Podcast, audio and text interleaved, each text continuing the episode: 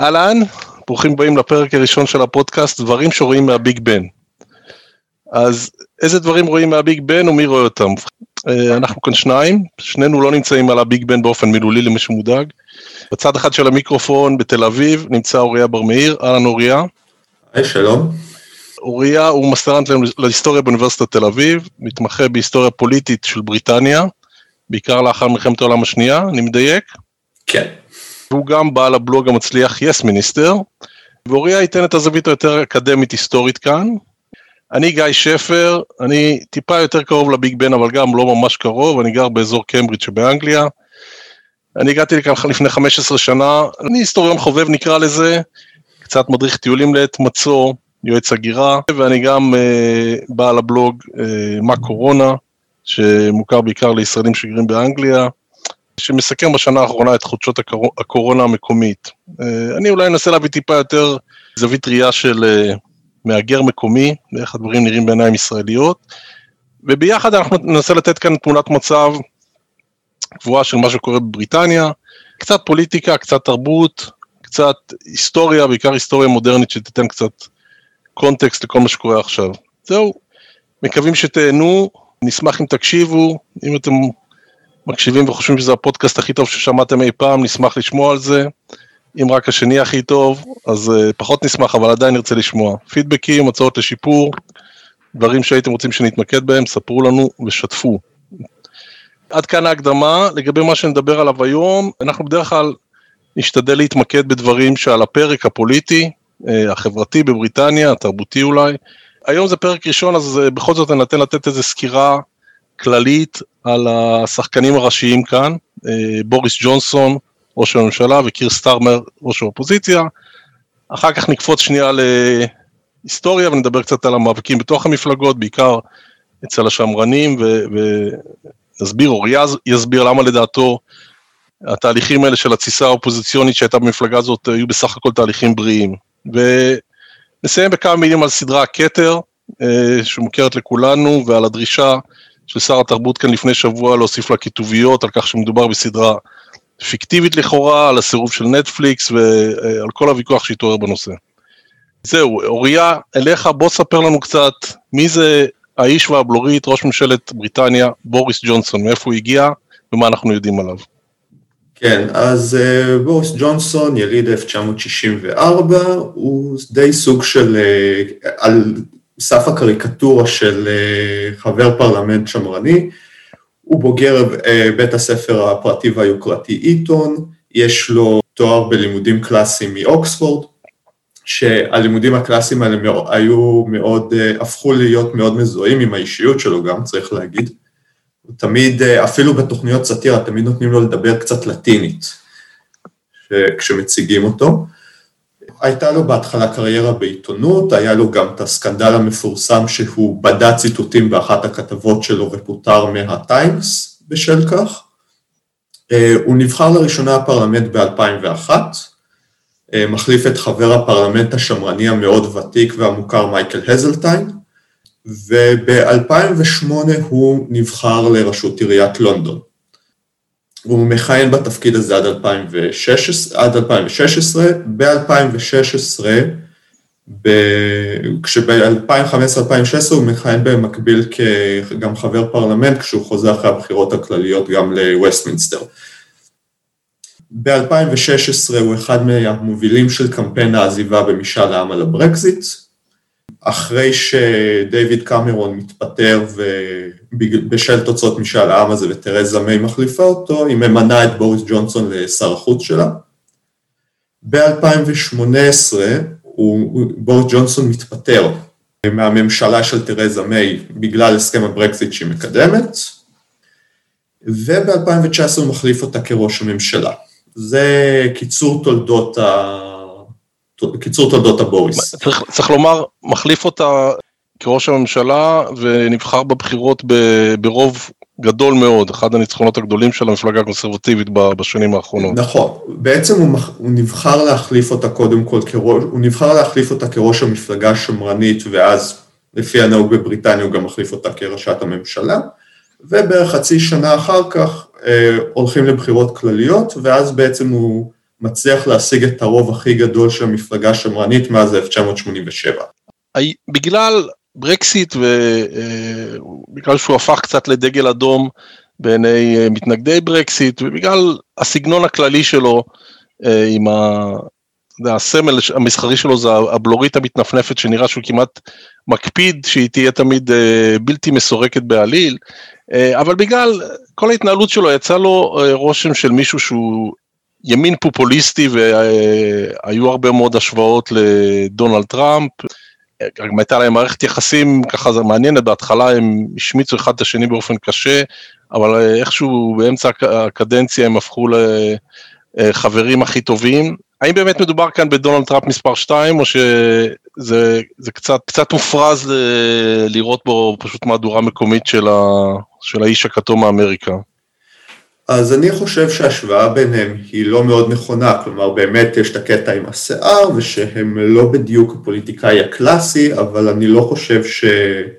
שההשוואה ביניהם נכונה. לצורך העניין דונלד טראמפ הוא באמת פופוליסט, אה, לייבש את הביצה, זה אחת הסיסמאות שלו, ובוריס ג'ונסון הוא לא, הוא לא אנטי ממסדי, הוא הממסד בסופו של דבר. הוא גם לא מתיימר לא להיות חלק מהממסד. כלומר, כשאתה מקשיב לו אה, מדבר, אז אתה שומע שבסך הכל הוא רוצה דמוקרטיה פרלמנטרית מוסדית, אז נכון, הוא מדבר קצת על אה, אנחנו, אנחנו משרתים את הציבור ופועלים בשמו וכל הדברים האלה, אבל זה כל פוליטיקאי בדמוקרטיה עושה בסופו של דבר. מה שבורי ג'ונסון עושה הוא בעצם מייצר לעצמו איזושהי תדמית של הטמבל החביב הזה, ש, שקל לך לחבב, כן? מישהו, איזשהו היסטוריון בריטי שצפה בדיבייטים שלו, אומר שכשתופסים אותו משקר, אז אתה צוחק מזה, אתה לא כועס עליו, כי כזה, אוי, איזה, איזה טיפשון הוא, או איך הוא לא יודע את זה. אבל uh, זו תדמית שהוא באמת מייצר לעצמו, וג'ון אוליבר גם הראה שהקטע עם הבלורית זה, זה באמת קטע מכוון. עכשיו, איך אתה יודע שבוריס ג'ונסון נהיה רציני?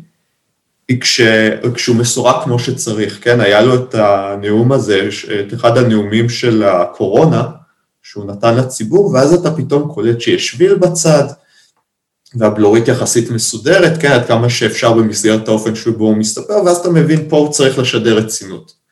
זו אחת הדרכים לדעת אצלו. צריך, לא, צריך לומר באמת, אפרופו זה שהוא לא אנטי-ממסדי, שהשנה הזאת של הקורונה, שכמובן לא הייתה שנה קלה במיוחד עבור שום מנהיג, אני מניח, וגם לא עבור רוב, אולי נגיד על זה מילה, הוא באמת, היה ניסיון גדול של הקונסרבטיבים להישאר כל הזמן על הקונצנזוס, כל, כל, כל פעם שהייתה תביעה מאיזשהו מגזר, לאיזושהי, לאיזשהו פיצוי על מה שקרה בקורונה, או דרישה של איזה מישהו לתת כסף, או, או להעריך את החל"ת ודברים מהסוג הזה, שאולי אנשים כמו תאצ'ר, נניח בזמנו היו אומרים, חבר'ה, אין כסף וקורונה ומצב קשה ותהדקו את החגורה ותנשכו את השפה ואין מה לעשות. בוריס תמיד התיישר לכיוון של, אוקיי, אין בעיה, אנחנו נותנים את זה, אנחנו משלמים את זה, אנחנו תומכים, כדי שחס וחלילה לא ייווצר, לא תיווצר לאופוזיציה אפילו בעיתון אחד. אנחנו נראה כמובן ונשמע יום אחד מי ואיך ישלם את כל זה, אבל אה, נכון עכשיו, כולל דברים כמו, כן, שאם לייבור היה עושה, אפשר עכשיו, אפשר אה, להעריך שהקונסרבטיבים היו צועקים עד השמיים, כמו נניח בתחילת המשבר הלאימו כאן את הרכבות, שבזמנו כשקורבין היה דיבר על הלמות, אז, אז זה נחשב שיא שיא הרדיקליות הסוציאליסטית, אבל במלחמה, כמו במלחמה אני מניח, הקונסרבטיבים ניהלו מדיניות שהיא מאוד לא, לא בהכרח קונסרבטיבית מבחינה כלכלית. זה נכון, אבל מצד שני, צריך לזכור שעוד לפני הקורונה, בבחירות 2019, בוריס ג'ונסון רץ על, אה, על מצע שהוא מבטיח להרחיב את ההוצאה הציבורית בעצם, כי הוא מגיע אחרי תשע שנים בעצם של דיוויד קמרון ותרזה מיי, שהפעילו את מה שנקרא מדיניות הצנע, כן, אסטריטי.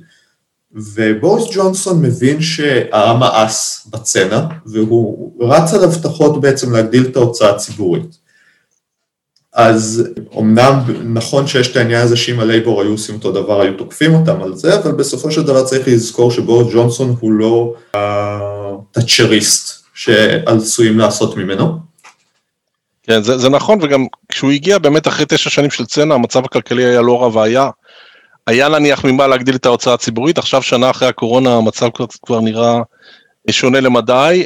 בוא רק נגיד לסיום על, על בוריס, ננסה לסכם את השנה הראשונה שלו.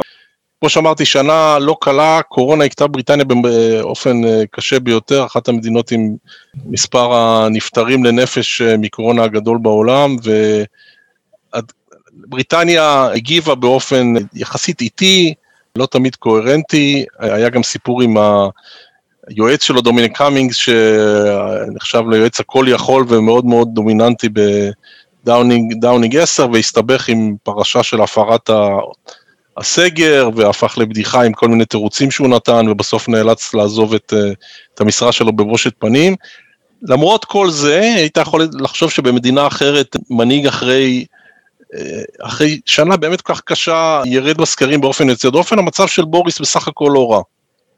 כן, זה באמת משהו שאתה רואה בסקרים שהוא מקבל פחות בקול הפופולרי ממה שהוא קיבל ב-2019, אבל גם ב-2-3 נקודות אחוז, הלייבור ברוב המקרים לא מצליחה לעקוף אותו.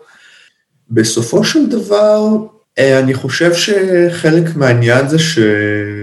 למרות שבאמת התגובה שלו לא הכי קוהרנטית, ואחד החסרונות הגדולים שלו זה שהוא לא, לא אוהב להתעסק בפרטים, כלומר, הוא רוצה להיות אופטימי, אבל כנראה שזה גם עוזר לו לשדר שבסוף בריטניה תצא מזה ויהיה בסדר, וגם הרבה מזה זה בגלל חולשת האופוזיציה, שנראה לי שזה המקום גם לעבור לדבר על קיר סטארמר. בדיוק, אז בואו בוא נדבר קצת על, על היריב שלו. קיר סטארמר, או סר קיר סטארמר, בן 58 מלונדון, הוא אגב לא הקיר הראשון שמוביל את הלייבור, הקיר הראשון היה מייסד תנועת הלייבור, המוביל הראשון שלהם בפרלמנט, בחור בשם קיר הרדי, וזה לא מקרי, כי קיר סטארמר בעצם נקרא על שם אותו קיר הרדי, מייסד המפלגה, וזה אומר שהוא הגיע מבית של, שתמך בלייבור ועודד אותו מגיל צעיר לעסוק בפוליטיקה.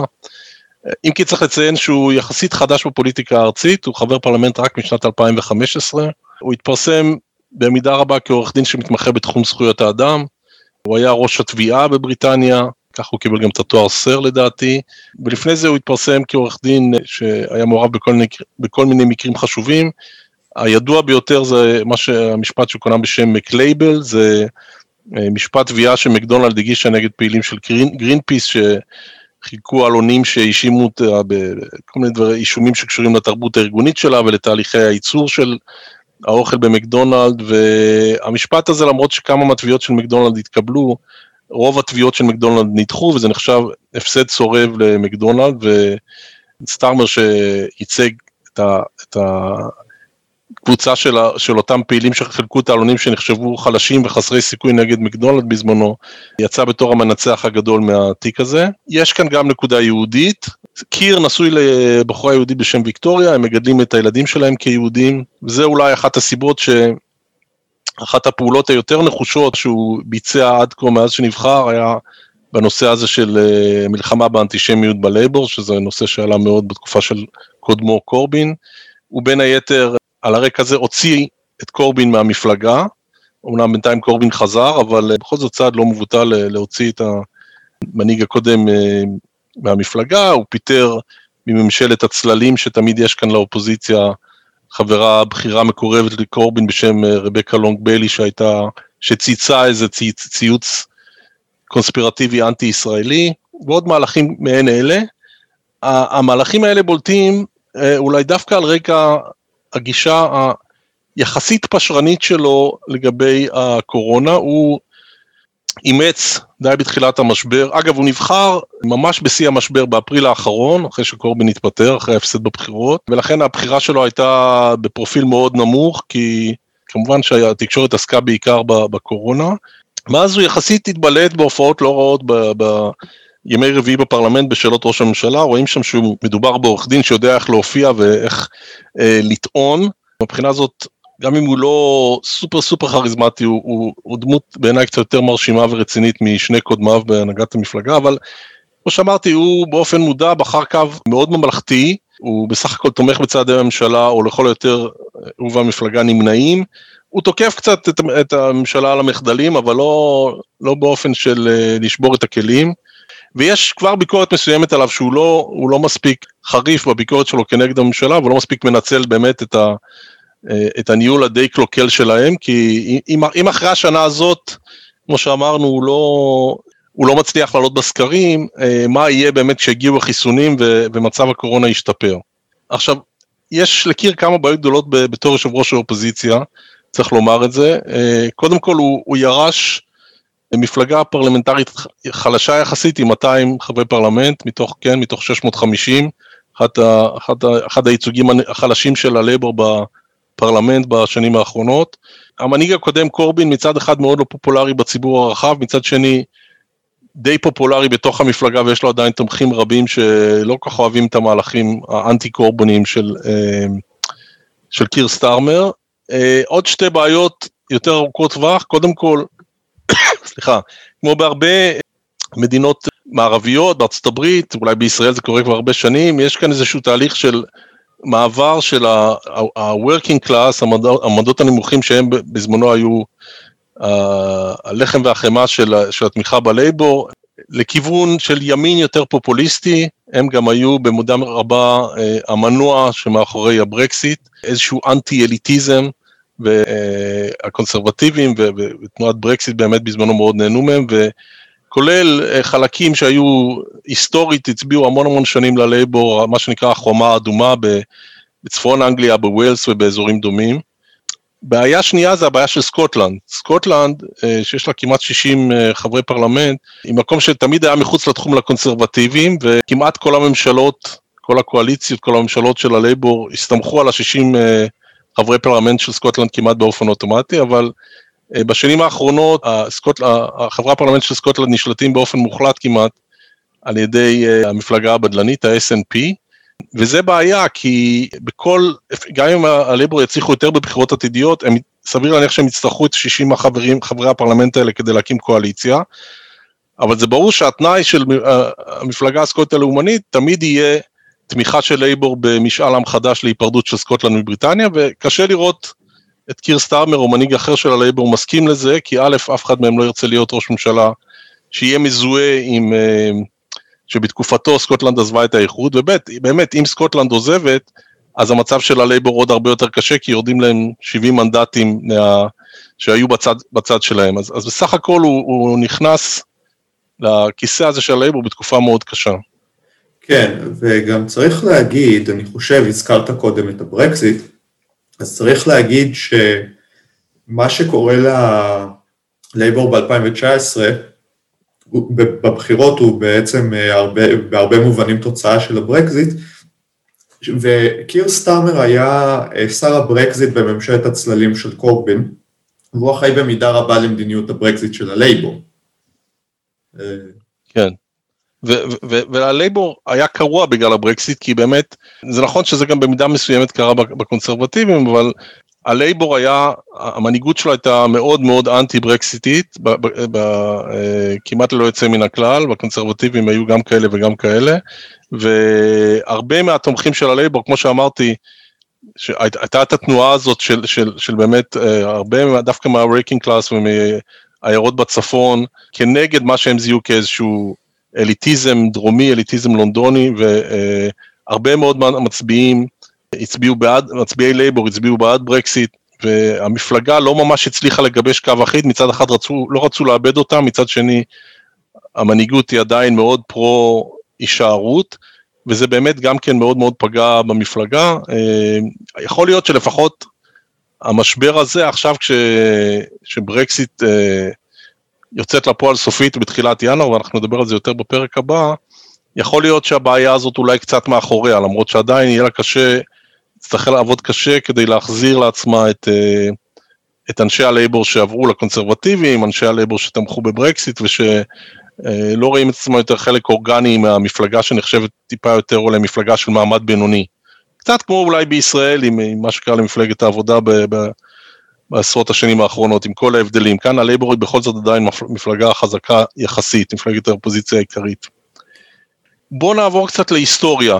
עכשיו, על רקע, הרקע באמת מה שקרה כאן עם הסגרים האחרונים, אנחנו ראינו תחילתו של אה, איזשהו סוג של, לא ממש מרד, המצב של בוריס עדיין טוב, אבל, אבל היה קצת ככה כחכוכים והיו חברים, חברי פרלמנט מהמושבים האחרים שהתחילו לעשות שרירים כנריד בוריס, וראית שזה לא שהוא, יש לו ביטחון מוחלט מפני אופוזיציה פנימית במפלגה, אבל זה כמובן לא דבר חדש, לא בלייבור ובטח לא אצל הקונסרבטיבים, אה, התנגדות מבית ומאבקים מבית, אבל אתה, אני רוצה, אנחנו, אתה תספר לנו קצת על, על מה שהיה בעבר ותסביר למה בעיניך, לפחות אצל הקונסרבטיבים, התהליך, התהליכים האלה בסך הכל היו תהליכים די בריאים. כן, אז uh, באופן כללי, כמו שאמרת, זו לא פעם ראשונה שאצל השמרנים uh, יש מרידות כאלה. אגב, המרידה האחרונה שהייתה נגד ג'ונסון של קצת יותר מ-50 חברי פרלמנט, היא הייתה יותר קטנה ממה שציפו שהיא תהיה. אבל זה באמת הולך הרבה שנים אחורה. נלך לצורך העניין למרגרט תאצ'ר, שב-83 משיגה את הרוב השמרני הכי גדול שהיה לשמרנים מ-1931 ועד היום.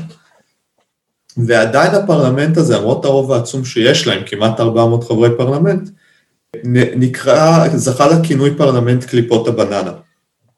כי היו לה הרבה מאוד פארסות פוליטיות, הרבה מהן על רקע אה, מרידות שהובילו מתנגדים פנימיים במפלגה, בראשות ראש הממשלה השמרני לשעבר אדוארד הית', בעיקר, שמרדו בה על הרבה מאוד נושאים, אה, שלטון מקומי היה אחד מהם, בסופו של דבר היא הצליחה להעביר את, אה, את מה שהיא רצתה, אבל היו לה הרבה מאבקים פנימיים במפלגה תוך כדי. דוגמה קצת יותר אה, עכשווית, זה מה שקרה לתרזה מיי, עם הסכם הברקזיט, שבעצם באיזשהו שלב אה, הראו לה את הדלת. כשהבינו שהיא לא מסוגלת לקדם הסכם ברקזיט שיעבור בפרלמנט. תאצ'ר, אגב, אם נחזור אליה שנייה, uh, גם הודחה על ידי המפלגה שלה, היא מעולם לא הפסידה בבחירות. זה פשוט מה שהיה זה שאתגרו אותה על, ה, על ההנהגה של המפלגה. והיא, לא, והיא אומנם קיבלה יותר קולות מהמתמודד שמולה, מייקל הזלטיין, אבל היא לא הצליחה לקבל מספיק קולות כדי אה, להימנע מסיבוב שני, ואז בשלב הזה חבר, חבריה לממשלה גורמים לה להבין, את לא תנצחי, חבל. ואז היא מודיעה שהיא מתפטרת, ובמקומה נבחר ג'ון מייג'ור. עכשיו, ג'ון מייג'ור איתו באמת היה סיפור מעניין אה, סביב המרידות האלה. אה, ג'ון מייג'ור מחליף את מרגרט תאצ'ר ב-1990, ב-1992 הולכים לבחירות והרוב השמרני נש... אה, עדיין קיים, אבל הוא מאוד מצטמצם, זה רוב מאוד מאוד אה, מזערי.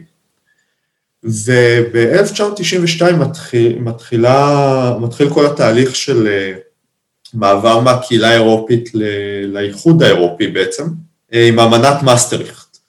ואחד הפרקים שם נקרא הפרק החברתי, שהוא עוסק בזכויות עובדים וכל מיני דברים כאלה. וכשמגיעים להצביע על החלק הזה, אפילו שמייג'ור לא רוצה להכניס את בריטניה לחלק הזה של האמנה, הוא סובל ממרידה שמרנית מבית שבעצם מפילה את ההצבעה, ובעצם זה אמור לתקוע את כל הכניסה לאיחוד האירופי, כי מה שקורה זה שבעצם הלייבור מצביעים נגד, כי הם כן רוצים להיות חלק מהאמנה, והשמרנים מצטרפים אליהם, ואז ברגע שזה נתקע, אז כל הכניסה לאיחוד האירופי נתקעת. אז מה שג'ון מייג'ור עושה בעצם, אה, כדי להתגבר על זה, הוא קורא, הוא מכריז על הצבעת אמון בממשלה, כלומר, אם הוא, אם הוא מפסיד בה, הולכים לבחירות בעצם, זה מה שנקרא אופציה גרעינית, והוא בעצם אומר, חברי הפרלמנט השמרנים המורדים, אוקיי, אתם רוצים להמשיך למרוד, אין בעיה, בואו נלך לבחירות. הסקרים, אנחנו ממש על הפנים בסקרים, אנחנו כנראה נפסיד. תחליטו אתם אם בא לכם או שאתם רוצים ליישר איתי קו, וזה עובד לו, בסופו של דבר.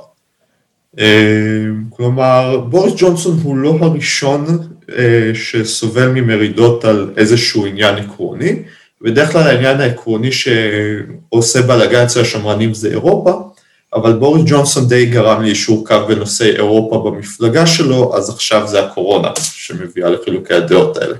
ולמה בעיניך זה, התהליכים האלה שם אולי להבדיל מהלייבור הם תהליכים בריאים בסך הכל?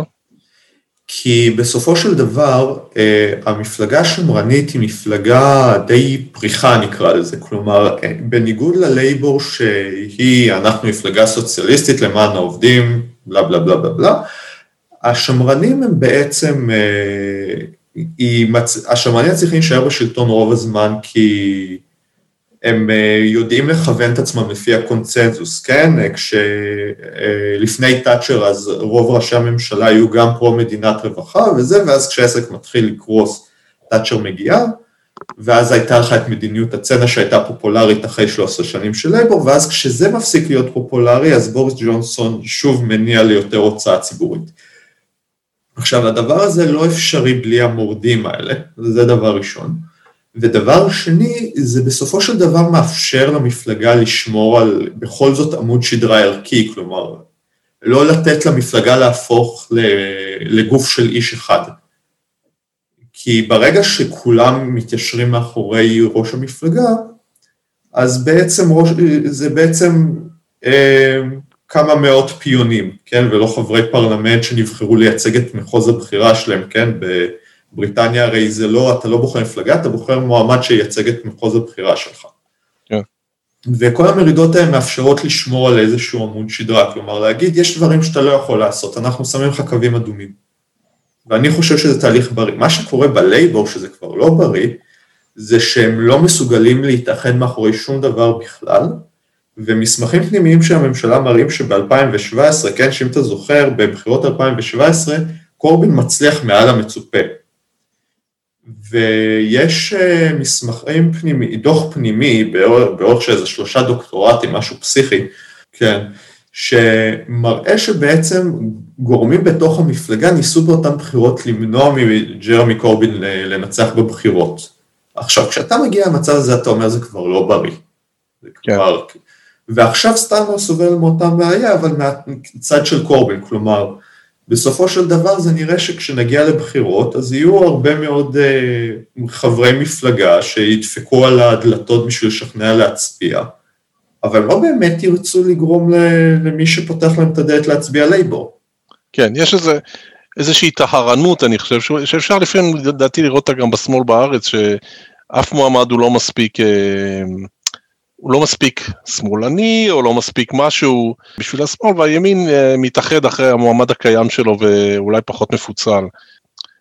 אתה חושב אבל, הזכרנו את תרזה והזכרנו את מרגרט תאצ'ר, אתה חושב ששתיהן סבלו מיותר אופוזיציה פנימית בגלל העובדה שמדובר בנשים, או ש...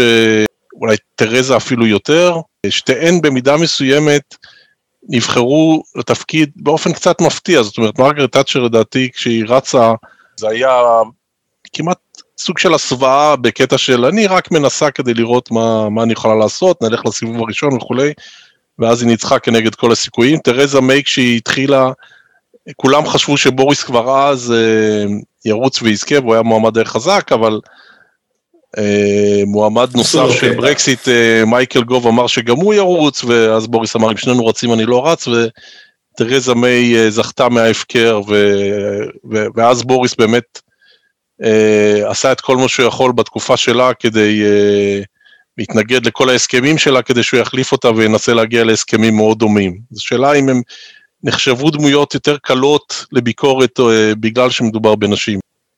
אני מניח שיש בזה משהו, אבל צריך לזכור, תאצ'ר אה, עשתה דברים מאוד שנויים במחלוקת, וכן שהרבה מאוד אה, אנשים הרגישו ממש על בשרם באופן ישיר, כלומר, היא לא הייתה דמות אהודה גם בגלל שהייתה אישה, אבל לא רק. תרזה מיי בעצם אה, נפלה לדבר הכי עקרוני שהיה בבריטניה באותו זמן. אז כן, סביר להניח שגם יקשו עליהם, כן, היו נשים, אבל לא רק, כלומר היה גם קטע עקרוני. במקרה של תאצ'ר גם היה קטע אישי, כי כמו שאמרתי, אדוארד הית' אה, אה, הוביל את ההתנגדות נגדה, והיא בעצם הדיחה אותו, והוא נטר לטינה על זה עד הסוף. אוקיי, okay, אז כמה דמויות שהזכרנו כאן, מרגרט תאצ'ר ואדוארד הית' ואחרים, מככבות בסדרה שעליה אנחנו הולכים לדבר עכשיו, אנחנו עוברים קצת מפוליטיקה לתרבות, וזאת הסדרה הכתר, סדרת, הסדרה המאוד מצליחה של נטפליקס, שנמצאת כבר בעונה הרביעית שלה, ואני מניח שכל מי שמתעניין קצת בבריטניה ומה שקורה בה, ראה אותה, צריך לומר סדרה שמשוחקת היטב בדרך כלל, כתובה מצוין, סדרת דרמה טובה. אבל מעוררת די הרבה מחלוקת. לפני שבוע או שבועיים שר התרבות כאן, בחור בשם אוליבר דאודן, פנה לנטפליקס וביקש שיוסיפו לפרקים של הסדרה הכיתובית שאומרת שהסדרה הזאת היא סדרה בדיונית, פיקטיבית. נטפליקס מיהרה להגיב באופן לא מפתיע בסירוב, אמרה אין צורך, מדובר בסדרת דרמה וכולם יודעים את זה.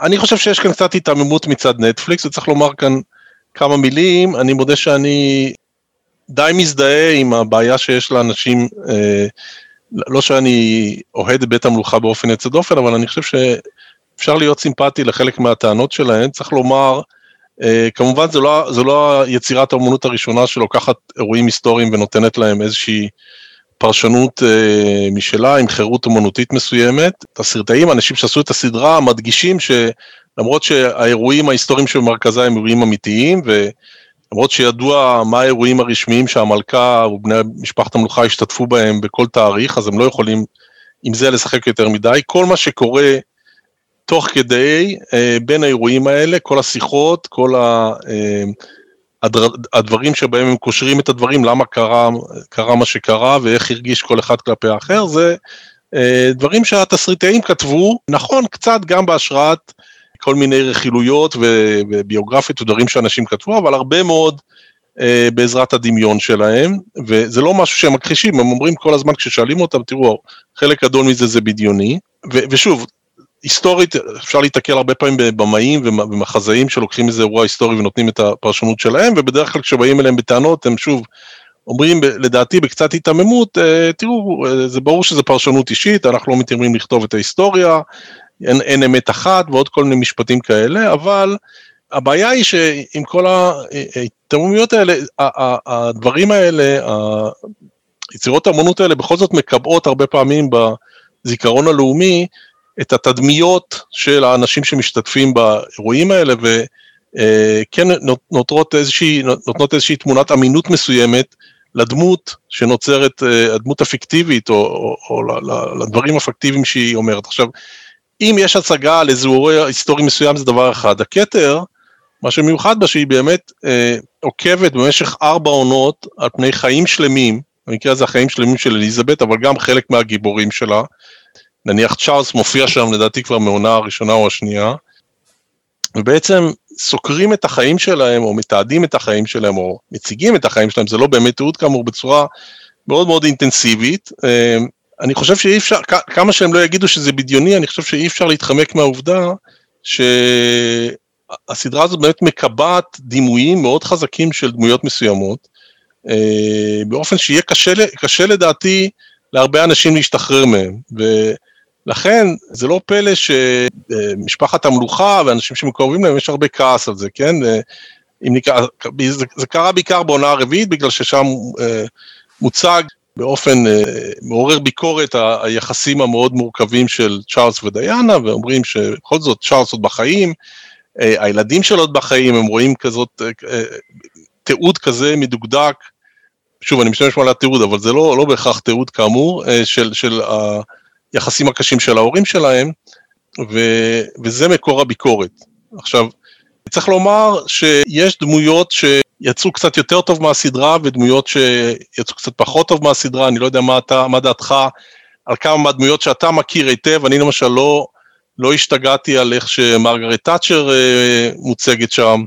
אני גם לא, זה אה, מזיע ממאמץ. כן, זה רק, היא משקיעה כל כך הרבה, מאמץ בלעשות את המבטא, ש... את המבטא ואת הדמות אה, פיזית, שנראה שהיא קצת מפספסת את כל השאר, אבל אני חושב שבגדול, בסך הכל המלכה יוצאת מזה לא רע, יוצאת מזה כאישה, אישה ש, שיש לה, ש, שמעורבת, ומעורבת בדרך כלל בצד הנכון של ההיסטוריה, מנסה להשפיע, לפחות בפוליטיקה.